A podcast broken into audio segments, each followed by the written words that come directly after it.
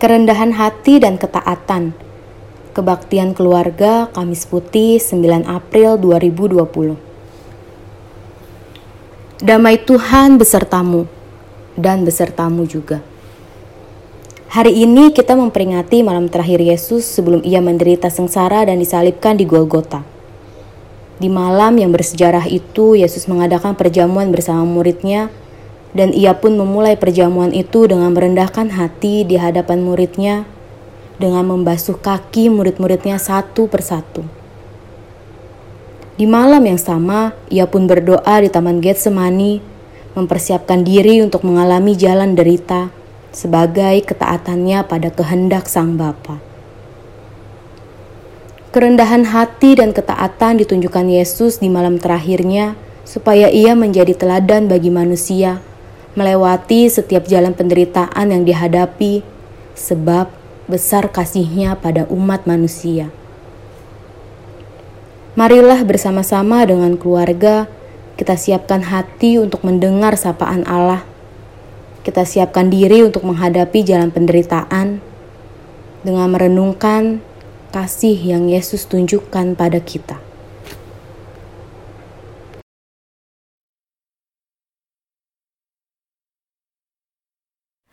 Mari kita menyanyi dari NKB 85 karena kasihnya. Mengapa Yesus turun dari surga masuk dunia gelap penuh celah berdoa dan bergumul dalam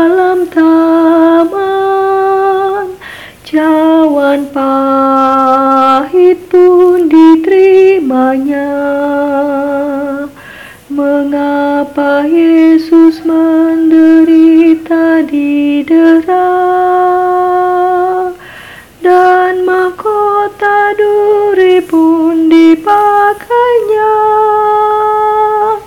Mengapa Yesus mati bagi saya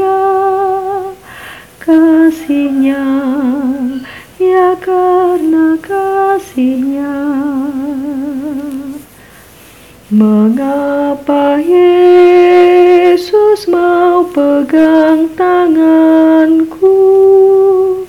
Bila ku di jalan tersesat mengapa Yesus beriku kekuatan jiwaku mulai penat. Mengapa Yesus mau menanggung dosaku? Beriku damai serta sukacitanya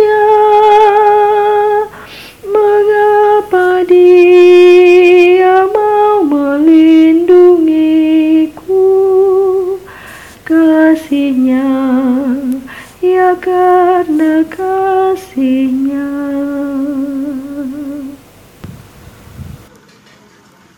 Marilah kita berdoa. Tuhan yang Maha Pemurah, pada malam ini kami bersyukur kami bisa berkumpul sebagai satu keluarga untuk merenungkan dan menghayati kasih Tuhan. Kami rindu untuk mengenang malam sengsara Kristus di tengah keadaan dunia yang sedang kelam akibat virus COVID-19 yang ada di tengah kehidupan kami. Tolong ya Tuhan, supaya Engkau menguatkan iman kami. Engkau yang mengobarkan semangat kami, menghayati dan mengikuti jalan salib Kristus. Baginya lah kemuliaan sampai selama-lamanya. Amin.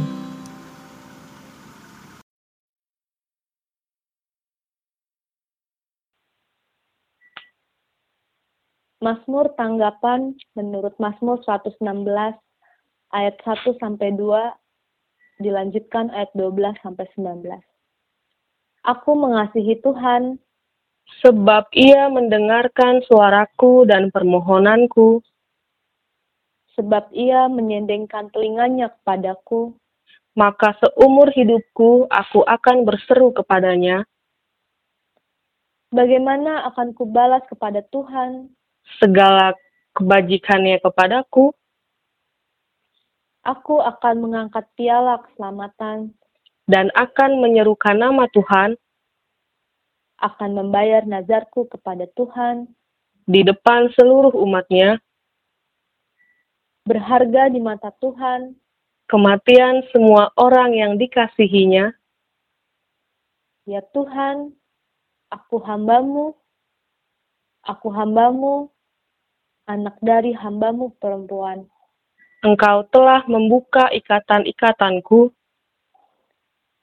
Aku akan mempersembahkan korban syukur kepadamu, dan akan menyerukan nama Tuhan.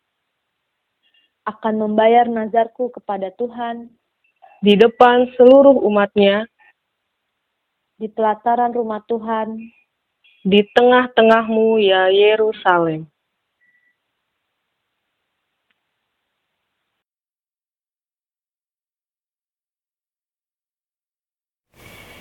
Kita bernyanyi dari Kidung Jemaat 460. Jika jiwaku berdoa kepadamu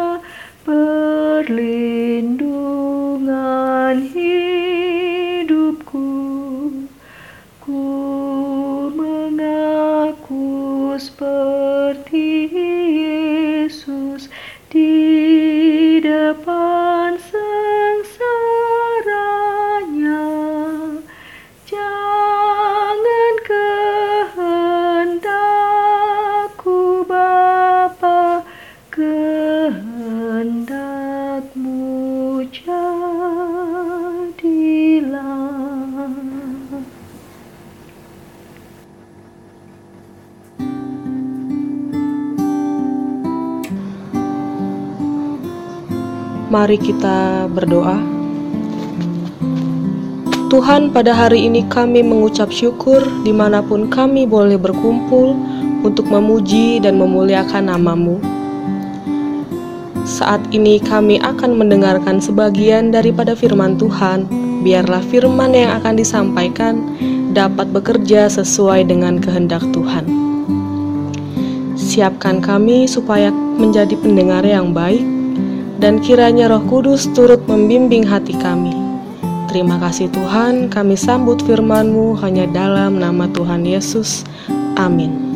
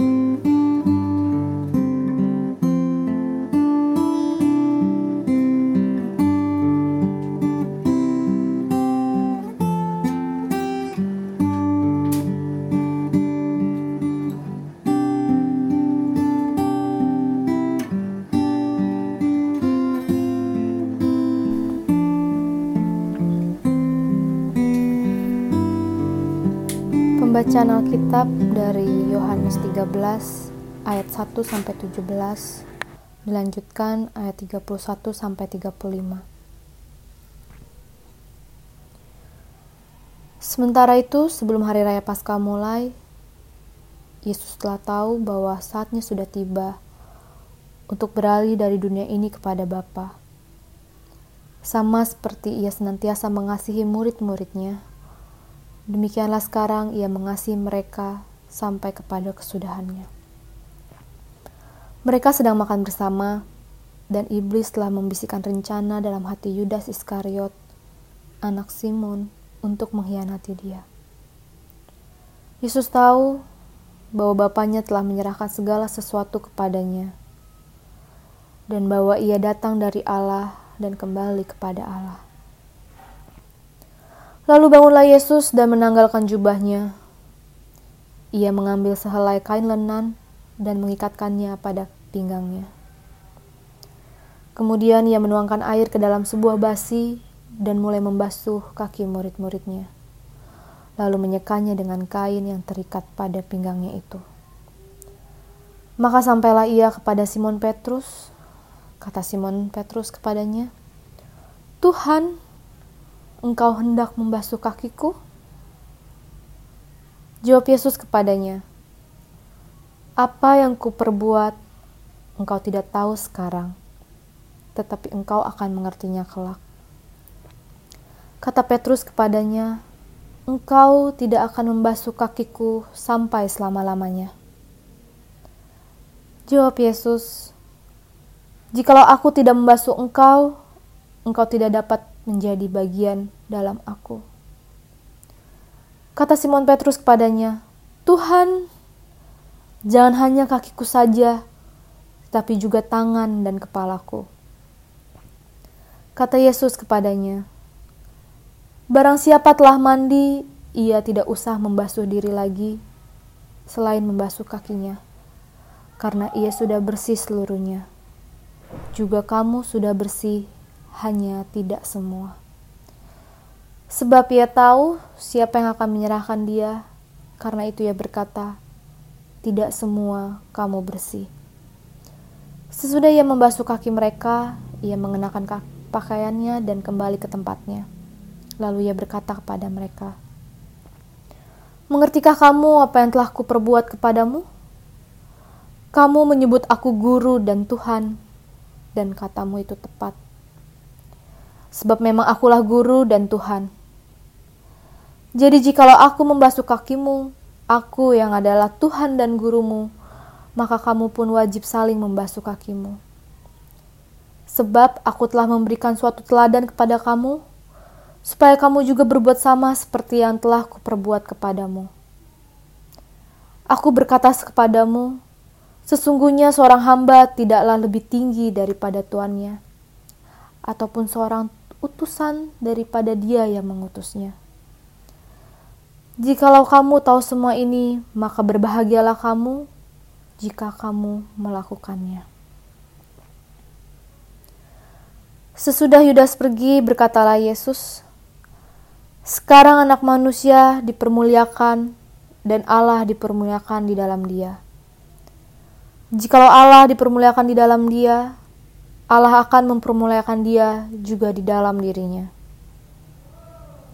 Dan akan mempermuliakan dia dengan segera. Hai anak-anakku, hanya seketika saja lagi aku ada bersama kamu.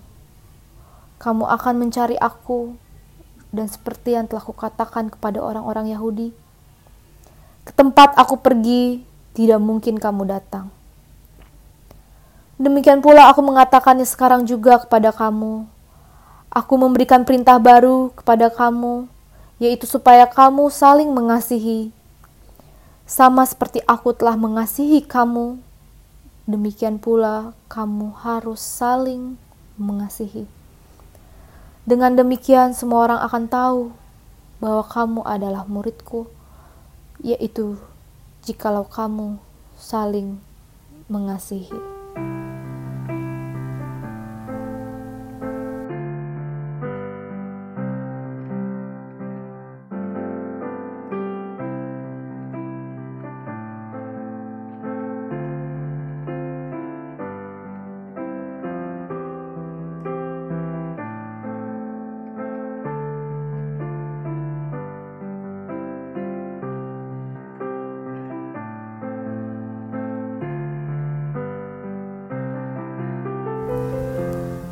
Tampaknya ketaatan masih menjadi persoalan besar bagi kehidupan kita. Tidak sedikit orang yang memilih untuk memberontak daripada berperilaku taat. Tak usah jauh-jauh, dalam beberapa hari terakhir ini saja, kita melihat banyak orang yang tidak menaati himbauan pemerintah untuk melakukan social distancing atau bahkan physical distancing di rumah masing-masing. Kita masih mendengar berita bagaimana aparat keamanan melakukan sidak dan membubarkan orang-orang yang masih berkerumun. Merasa diri sehat dan baik-baik saja menjadi salah satu alasan masyarakat untuk tidak menaati himbauan pemerintah dalam melakukan social distancing.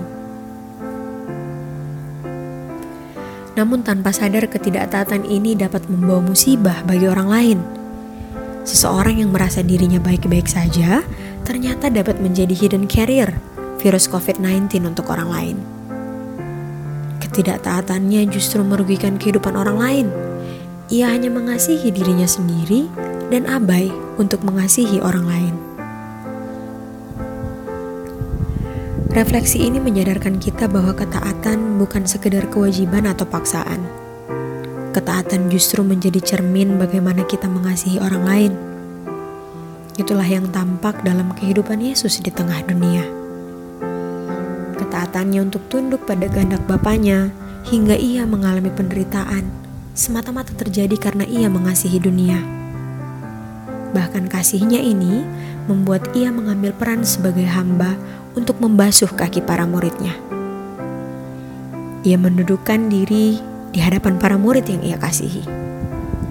Padahal para murid adalah orang-orang yang kotor. Sebut saja Yudas Iskariot yang telah berencana untuk mengkhianati gurunya. Ada juga Simon Petrus yang akan menyangkal dirinya. Namun Yesus tidak menyuruh mereka membersihkan diri, menghakimi, apalagi menghukum mereka. Karena kasihnya, Yesus malah tunduk, merendahkan diri di hadapan mereka dan membersihkan diri mereka sebagai simbol penyucian.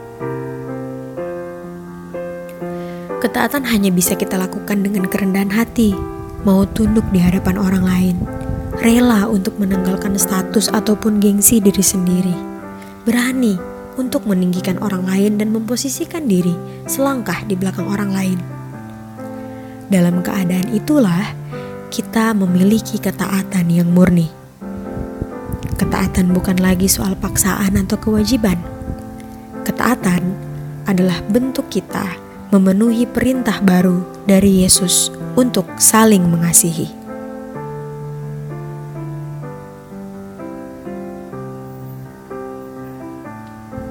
Apakah kita menyadari bahwa ketaatan merupakan cerminan kasih kepada sesama?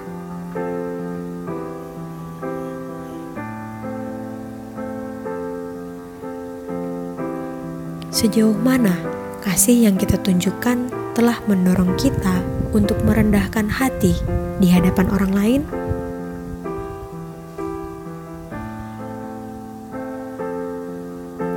Hal-hal apa saja yang dapat kita taati sebagai bentuk kasih kita terhadap sesama dan dunia yang sedang menantikan pemulihan dari virus COVID-19 ini?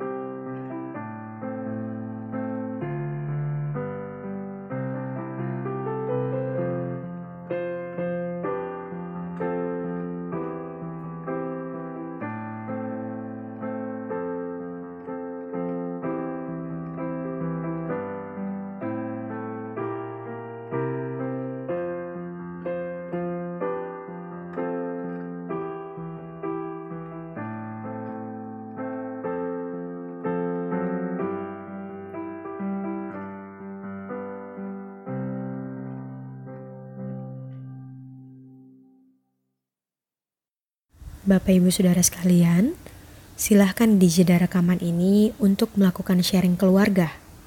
Bila telah selesai, silahkan dilanjutkan kembali.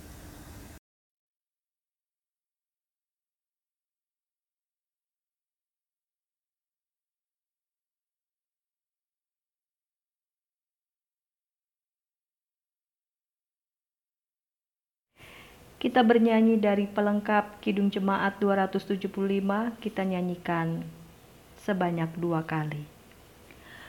Perintah baru ku beri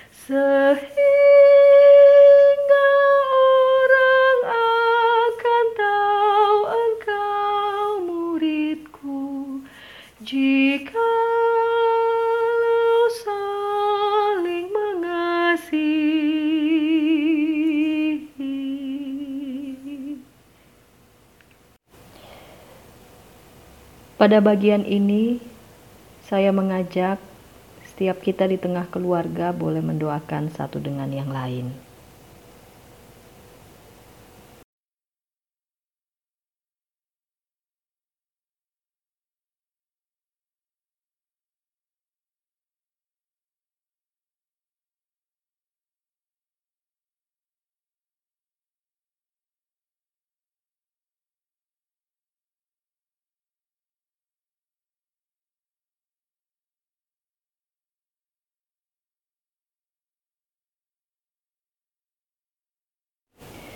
Setelah semua sudah saling mendoakan satu dengan yang lain, saya mengajak kita semua boleh berdoa bersama. Mari kita berdoa.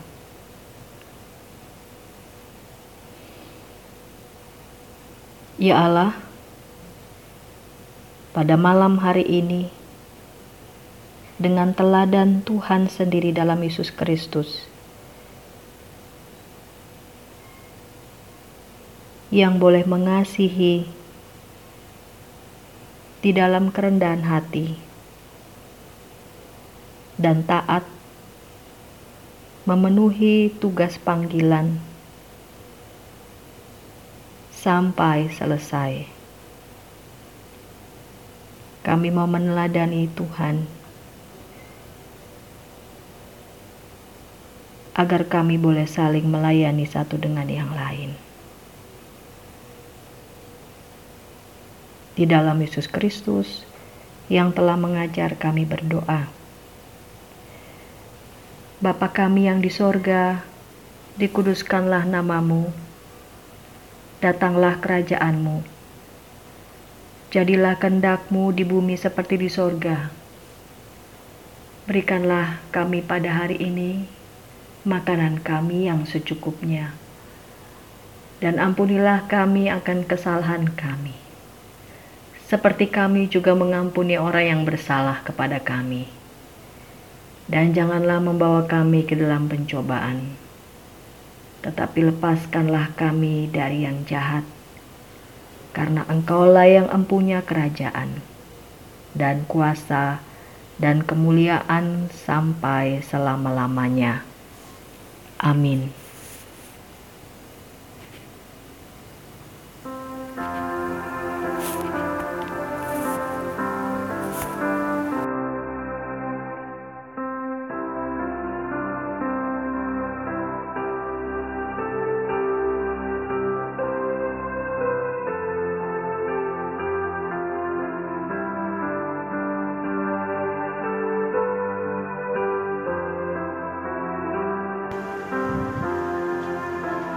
Kiranya di malam sebelum kita memperingati sengsara Kristus di Golgota, meneguhkan kita untuk terus berjalan di dalam kasih-Nya.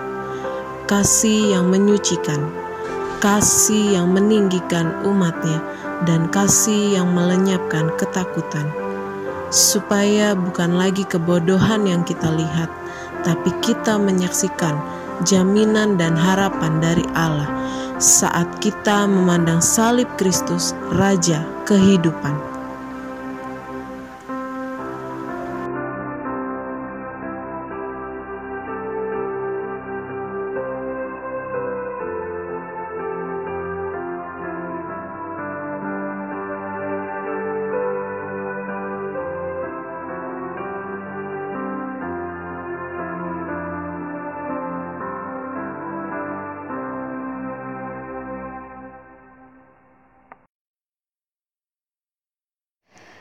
Mari kita bernyanyi dari Kidung Jemaat 169. Memandang salib rajaku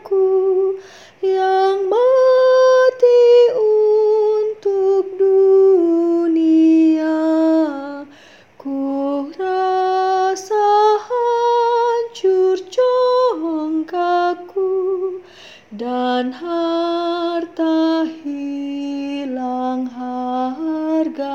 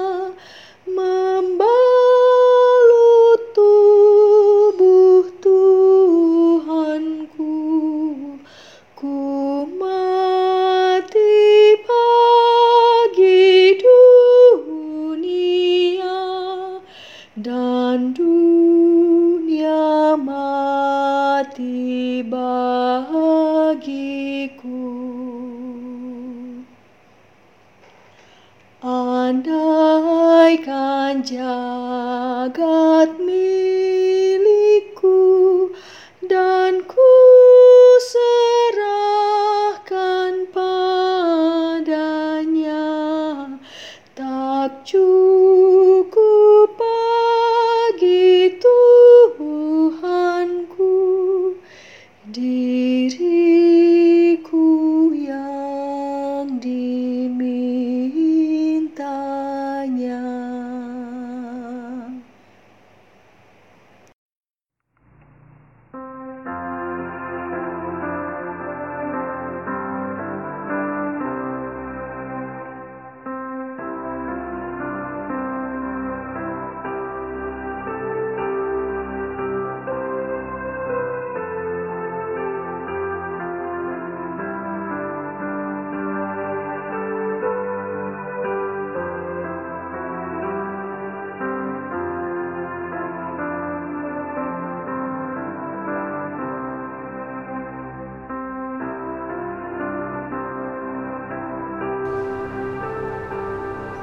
Kiranya Yesus Kristus yang demi kita telah taat sampai mati, bahkan sampai mati di kayu salib, menjaga dan menguatkan kita kini dan selamanya.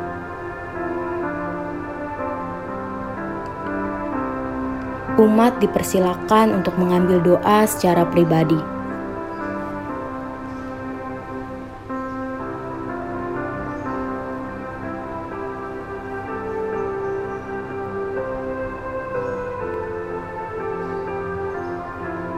Kebaktian keluarga Kamis Putih selesai.